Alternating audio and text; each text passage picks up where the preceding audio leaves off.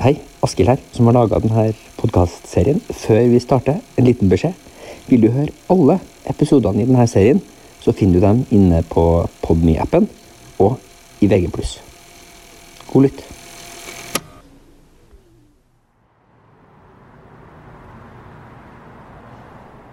Det er en klam og varm september formiddag på Kilen rett utenfor Tønsberg sentrum. Ok, og det, hvor, hvor, står vi nå, egentlig? Nå står vi jo på den parkeringsplassen hvor eh, Bård Lanes parkerte den skjebnesvangre aprilkvelden. Man kan jo stille spørsmålet hvorfor man skulle velge et sånt sted for det som forferdelig som skulle skje, for det er jo, det er jo mye overvåkning her. Kilen er et industriområde med sånne butikker du helst kjører bil for å komme deg til. Det er megaflis, interiørmaling, det er en butikk for barneklær, en privat tannlege og et kveldsåpent solarium. Forbi oss så kjører en pickupbil med nyinnkjøpt baderomsinventar på planet, sakte forbi. Over plassen så vandrer det opp til flere avslappa menn i store bermudashorts i varmen. Men Tønsberg er, tross sin bedagelige fremtoning, en norsk by med et beinhardt og voldelig undergrunnsmiljø. Et lukka samfunn som ofte er i kamp med seg sjøl. Og som politiet har vært villig til å gå langt for å få oversikt over. Kanskje for langt. Vi har aldri planlagt å, ta livet av den. Liksom. Det er bare feil. Men jeg tenker at den sier noe om hva personer fra dette miljøet tenker og er villige til å kunne gjøre mot det de kaller for tystere. da. Og jeg ønska han vold. altså Jeg ønska han banka. Jeg ønska han skikkelig tatt han på. Altså, jeg ønska at han skulle liksom huske resten av livet da, mens han trilla rundt i en rullestol. liksom. Skal de få en jævla funksjonshemma fyr til å hjelpe dem med, med å skaffe den informasjonen de egentlig har rett foran trynet på seg? Du hører på Alt fortalt-serien 'Drapet på politiinformanten'. En historie i fire deler av Ådne Husby Sandnes, Mona Grivi Nordmann og Ane Muladal. Jeg heter Askild Matre Aasarød. Episode én Skuddene ved solariet.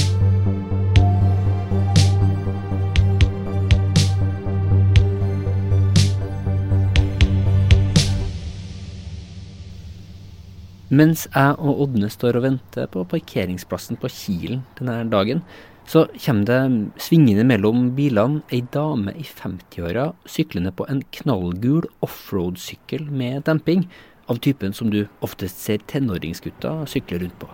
Hun bremser rett ved Ådne og meg.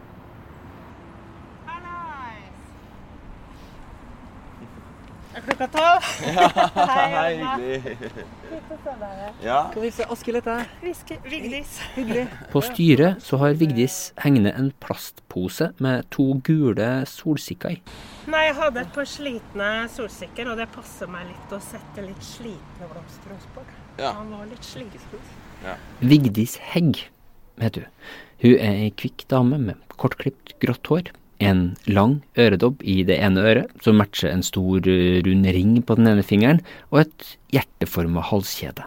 Kunne du lagt den eh, bakover, bare? For den slår litt mot mikrofonen. Der, vet du. Da har vi løst det. Hjertet på ryggen, vet ikke hva det betyr. Hun har vært en nær omsorgsperson til Bård Lanes, mannen hun har klippet ned de to solsikkene til. Hun møtte Lanes først da hun var læreren til han, men så ble hun en nær venn og har fulgt han gjennom livet. Det er mye hun har lyst til å fortelle om han, men hun er forsiktig på grunn av taushetsplikten, ei grense hun forholder seg strengt til. Men hun kan hjelpe oss å forstå den Bård hun kjente som privatperson, og det synes hun er viktig, for det er ellers ikke så mange som kan snakke Bård sin sak. Og jeg sa jo alltid til Bård Husk at det er du som skal gå i min begravelse, ikke jeg din. Ja, slapp av, Vigdis, jeg har full kontroll. Altså typisk Bård. Og så tenkte jo jeg mitt om at det kommer eh, sikkert til å bli omvendt. Vigdis fikk rett. Det var på dette industriområdet hvor vi står, at 33 år gamle Bård Lanes møtte opp den siste kvelden i livet sitt, 20. april 2021. Nå skal Vigdis hjelpe oss å forstå hva vi og politiet har funnet om denne kvelden. Så jeg vet jo at en som var og handla på Rema 1000, får en døende, blødende gutt i fanget. Så at dette skjer her nede, det er veldig overraskende. Og så er det jo hauger av overvåkningskamera. Ja, da kommer vi til brun og blid snart. Så står bilen på utsida her. Bård var jo alltid brun og fresh. Så det er litt sånn godt å tenke på at dette var det siste stedet han var. For Bård elska å være i solarium. 20.4.2021 så kjørte Bård og kjæresten hans inn på parkeringsplassen foran solariumet. Det var vårmørkt rundt dem. Bård han var en høy, blond mann med helt kortklipt hår. Han gikk ofte i treningsklær, gjerne i sånne røde boksesko, du vet sånne høye joggesko med knyting et godt stykke opp på leggen. Denne dagen så var han i godt humør. I flere minutter så satt de to inne i bilen på parkeringsplassen og lo og spøkte sammen. Det de to ikke visste der de satt ved siden av hverandre, det var at det under bilen var festa en GPS-enhet som gjorde at noen kunne vite akkurat hvor de befant seg til enhver tid. Det de to i bilen heller ikke visste, det var at det like bak dem hadde fulgt en blå Volkswagen Touran. Den hadde parkert i nærheten idet paret gikk ut av bilen og inn i solariumet. Vigdis hun følger den veien de tok. Og her er de oppe på kveldstid, og så er alt annet stengt. Det er rom på rom nedover solariumet med mynt og kortautomater på utsida. Så er de inne i hvert sitt avlukke. Men før Bård fikk satt i gang si solariumsseng, så gikk han ut igjen, ikledd jakke, boksershorts og sko. Han sa han skulle på do. Etter litt frem og tilbake så gikk kjæresten inn i sitt avlukke, ettersom sola hennes starta. Vi har snakka med kjæresten om denne hendelsen. Hun har hjulpet oss å forstå hva hun opplevde, men hun vil ikke stille til et intervju i litt. Og så går han ut, og så kommer han jo aldri tilbake. Akkurat hvorfor han valgte å gå helt ut igjen, det vet vi ikke. Lette han etter en do? Hadde noen bedt han om å gå ut? Men uansett, han kom ut på den glisne, opplyste parkeringsplassen i kveldsmørket. Så kommer han ut her. Jeg gjetter på at de sto bak der. Så kommer han ut. Vet ikke om han er bedt om å gå til venstre, men Bård orienterer seg fort, ser jeg for meg. Han er jo høy og ser fort. Og så løper han. Et av overvåkningskameraene fanga opp Bård, som virker å springe bort til høyre fra inngangen til solariumet. Bak seg så har han en mørkkledd mann med noe i hånda. Det politiet senere skal mene er en ombygd startpistol. Så da løper han vel sitt livs maraton opp her, da. Og blir skutt. Mannen med startpistolen avfyrer flere skudd. Bård blir truffet i ryggen. I retten beskrives det senere som en planlagt henrettelse. Det er Bård sjøl som varsler nødetatene, enten mens han fortsatt beveger seg, eller etter at han har segna om. Bård ringer sjøl. Og det overrasker meg noe veldig. Så jeg blir sånn Å, herregud! Da må du vært redd! Hvis han ringer politiet! Der er jeg, ikke sant? Så han ringer vel politiet og sier jeg tror jeg har blitt skutt. Det at han fortsetter å løpe med skudd i i kroppen. For det antar jeg at Bård bare løper så lenge han er hæler, han. Og så går det ikke lenger. Det har vel også forsterka dødsprosessen med alt blodet som da bare får tilgang i den eh, beskutte kroppen, ikke sant. Så her løper han de siste skrittene sine. Det er spesielt. Kjæresten hans lå fortsatt i solariumssenga og visste ingenting. Så han er tapper når han er her på siste reise i livet. Han kommer hit, da. Ja. For det her er et kumlokk da på utsida av Remo 1000 parkeringsplassen, ut mot veien. Det er her, ved kumlokket, at ambulansen kommer. Bård Landes hentes inn og kjøres de få hundre meterne til sykehuset i Tønsberg, bare opp bakken fra der han har falt om. Skyteren hopper inn i den blå Toranen som hadde fulgt etter Bård og kjæresten, og den forsvinner i kveldsmørket. Først når alt dette er over, så er sola til kjæresten til Bård ferdig. Hun går ut av avlukket sitt og ser at døra inn til Bård sitt rom står åpen. Hun rusler ut på gata for å se etter han. Hun prøver å ringe telefonen hans. Ingen svarer. Men så lyser navnet hans opp på skjermen. Hun tar telefonen og spør har du sovna, eller hvor er du? Men på den andre sida så svarer ikke Bård. Det er politiet i Tønsberg som nå har telefonen hans. Kjæresten får vite at Bård har blitt frakta til sykehuset.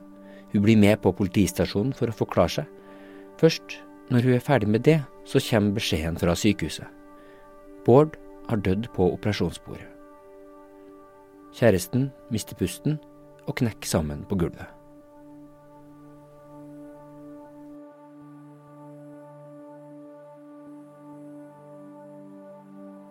Dagen etter drapet på Bård Lanes så ble åstedet et samlingspunkt, forteller Vigdis. Det ble lagt ned blomster og lys ved kumlokket, og biler kjørte sakte forbi på vei ut av parkeringsplassen. Det var sånn stille atmosfære. Det var mange som kom og gikk og bare rista på huet. og Folk var bevega. Jeg tror hele Tønsberg var i sjokk. Jeg følte at litt nå har Chicago kommet til Tønsberg. What? Kunne dette skje på Kilen en tirsdag kveld i titida, liksom? Men det er jo politiet kjapt ute og sier også at dette virker planlagt, at han ikke er et tilfeldig offer.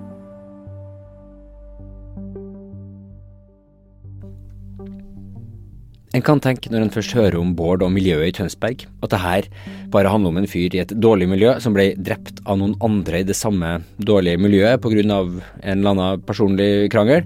Tragisk, men kanskje ikke så overraskende.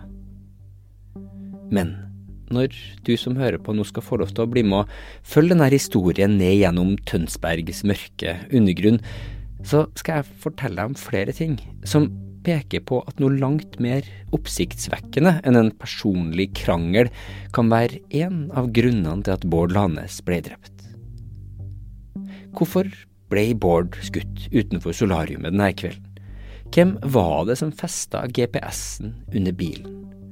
Og det mest urovekkende spørsmålet som etter hvert melder seg. Hadde norsk politi noe å gjøre med at Bård ble drept?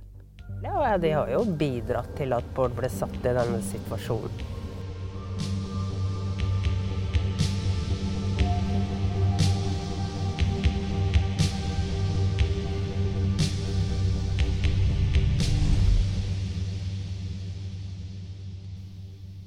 Jeg og mine kollegaer her i VG vi skal prøve å nærme oss svarene på de spørsmålene der i denne podkasten, og vi kommer til å komme et godt stykke på vei.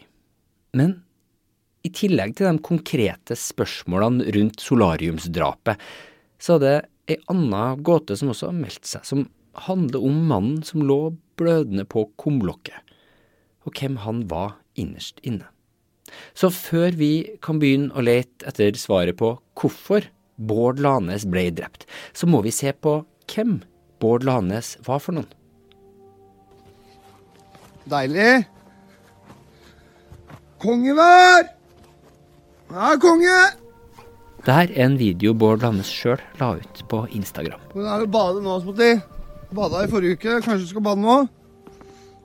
Hvem veit? Det er en sommerdag, og han går langs noen svaberg sammen med hunden Smotti.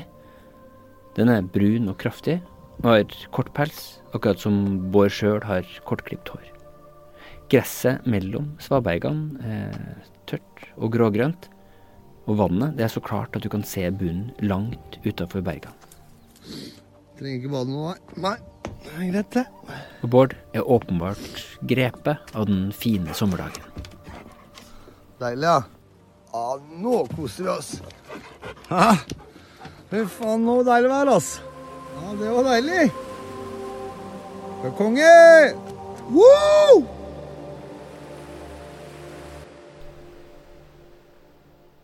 Å gi et helt bilde av Bård Lanes, det er vanskelig, for han var en sammensatt fyr. Og det er ikke så lett å få folk til å fortelle åpent om han. Og de som snakker, de har sett han fra sitt perspektiv, og det tenker jeg er greit å, å si. Det bildet du får av denne mannen, han som går tur og roper mot sola i videoen du nettopp hørte fra, det er et bruddstykke og noen glimt. Noen så på Bård Lanes som en gutt som måtte beskyttes. Noen sier de var redd for han. Andre igjen så på han som en kjærlig, øm, ansvarlig og omtenksom venn. Vigdis Hegg hun har sitt bilde av Bård Lanes. Kalte jo alltid Bård på tull for min Aksel Lund Svindal.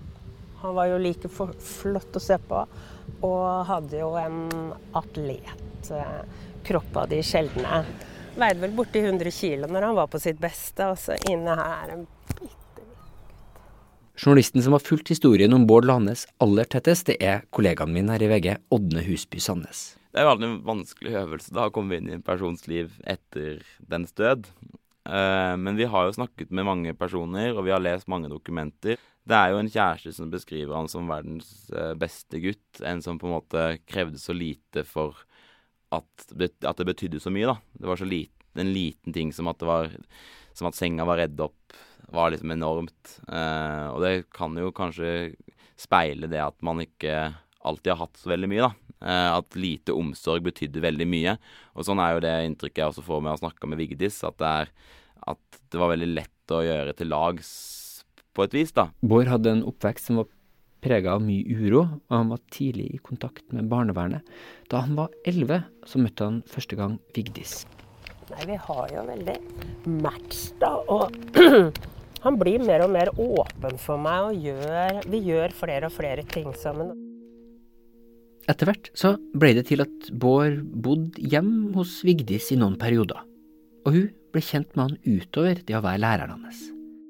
Det vi vet uavhengig av hva Vigdis sier, og som vi kan lese fra rettsdokumenter, det er at Bård Lanes han sleit på skolen, både med å ha kontakt med voksne og med barn. Han sleit med å lære, og det var et eller annet som ikke klikka helt på plass for Bård. Noen ting som han bare ikke helt forsto. Vi fikk jo tidlig høre rykter om at, uh, at, Bård hadde hatt en, for det første en vanskelig oppvekst, og at han kunne på noen områder være litt annerledes enn andre. da. Han, kunne, han fungerte veldig godt det sosiale, og, men han hadde liksom sine begrensninger. Da, noen, det var liksom de tidlige beskrivelsene vi fikk. For Bård Lanes hadde alltid ungdommen fått en diagnose som kom til å bli viktig for denne historien det som diagnosemanualen kalt F70, lett psykisk utviklingshemmet. Så fremgår dette av dom, en av dommene hans fra ung alder, og også flere dommer, at han hadde en diagnose lettere psykisk utviklingshemming. Og for han, så, sånn som det står i personundersøkelsen i denne dommen, så kan det for han, ifølge da disse sakkyndige, være han forstår nok forskjellen på rett og galt, men ikke alltid konsekvensene av sine egne handlinger. Da. At det kan være litt vanskelig å forstå hva som er konsekvensen av det han gjør. Det Ådne henviser til her, det er en personundersøkelse gjennomført av Vestfold friomsorgkontor i 2007, som også retten har henvist til. I tillegg så vet vi at Bård ble erklært ufør da han var 18. Det skal riktignok sies, en lege som eh, var i kontakt med Bård senere, var usikker på diagnosen, og sa at Bård trolig var for intelligent. Så spørsmålet om Bård Lane sin psykiske kompetanse, den er litt komplisert. Ettersom Bård Lanes vokste til, så begynte han å leve et liv stadig nærmere kanten av stupet. Han levde et risikofylt liv. Og tok ikke hensyn til fare. Jeg husker jeg hadde han med meg til Ramberg ute på Nøtterøy kjempehøye klipper hvor han bare hoppa fra 18 meter. Og jeg likte det så dårlig. Jeg gikk i bånn også, Vigdis. Og jeg syntes ikke det var kult i hele tatt. Han var jo en vågal gutt. Han var vill, han var vågal. Det var futt, det var fart. Og jeg visste han tilhørte farligere og farligere miljøer.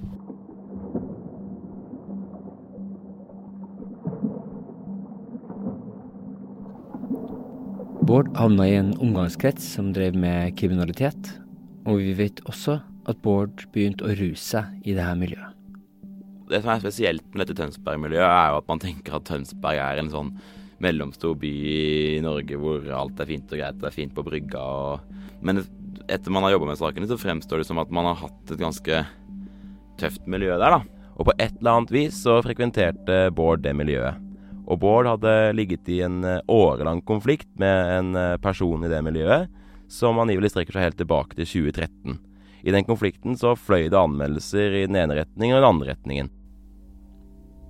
Men i tillegg til denne personlige konflikten, som du skal få høre mer om senere, så er det i saken om drapet på Bård Landes utenfor solariumet aprilkvelden i 2021 et annet spor som er verdt å følge.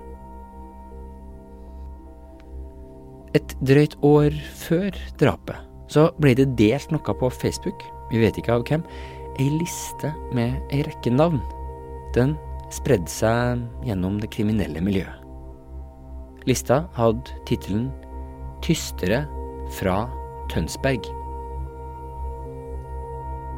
Hvor det fremgikk en rekke navn, hvor eh, noen da påsto at disse navnene er tystere. Det er de som snakker med politiet. De må dere implisitt holde dere unna. Eller dette er de man eh, skal peke på. Vi vet jo ingenting av sannhetsgehalten i resten av disse navnene, og vi vet jo ingenting om på en måte opphavet osv. Det vet vi ikke så mye om. Men vi vet jo at Bård Lanes sitt navn sto på den lista.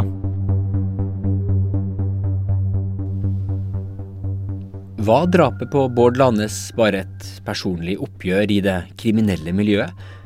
Eller var de her ryktene som gikk om Bård Lanes én grunn til at han ble skutt? Og var det bare rykter? Eller jobba Bård Lanes faktisk som informant for politiet? For å nærme oss svarene på de spørsmålene, så må du bli bedre kjent med dem politiet i dag mener var involvert i et nøye planlagt drapskomplott mot Bård. Fire menn er i dag sikta for å ha hatt ulike roller i drapet. Det er mannen som eide den blå Volkswagen Toranen som fulgte etter kjæresteparet til solariumet. Bilen den ble funnet noen timer etter drapet, satt i brann på Sem utenfor Tønsberg. Den andre er mannen som er utpekt som skytteren. Den tredje er en ung og ustraffa, men sjølerklært storkriminell, som er brasiliansk statsborger. Og i tillegg til bileieren, den utpekte skytteren og brasilianeren, så er det en 31-åring som politiet mener er sjefen bak planlegginga. Han heter Lasse i neste episode så forteller den mannen sin historie. Så bestilte jeg en sånn GPS. Så den GPS-en det står om i saken, det er jeg som har bestilt.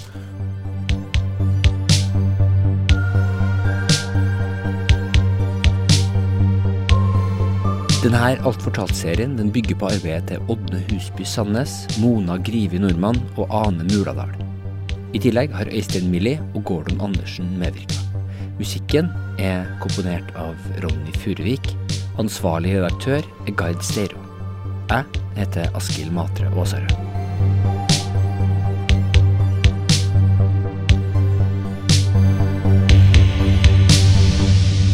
Du har hørt en podkast fra VG. Ansvarlig redaktør, Gard Steiro.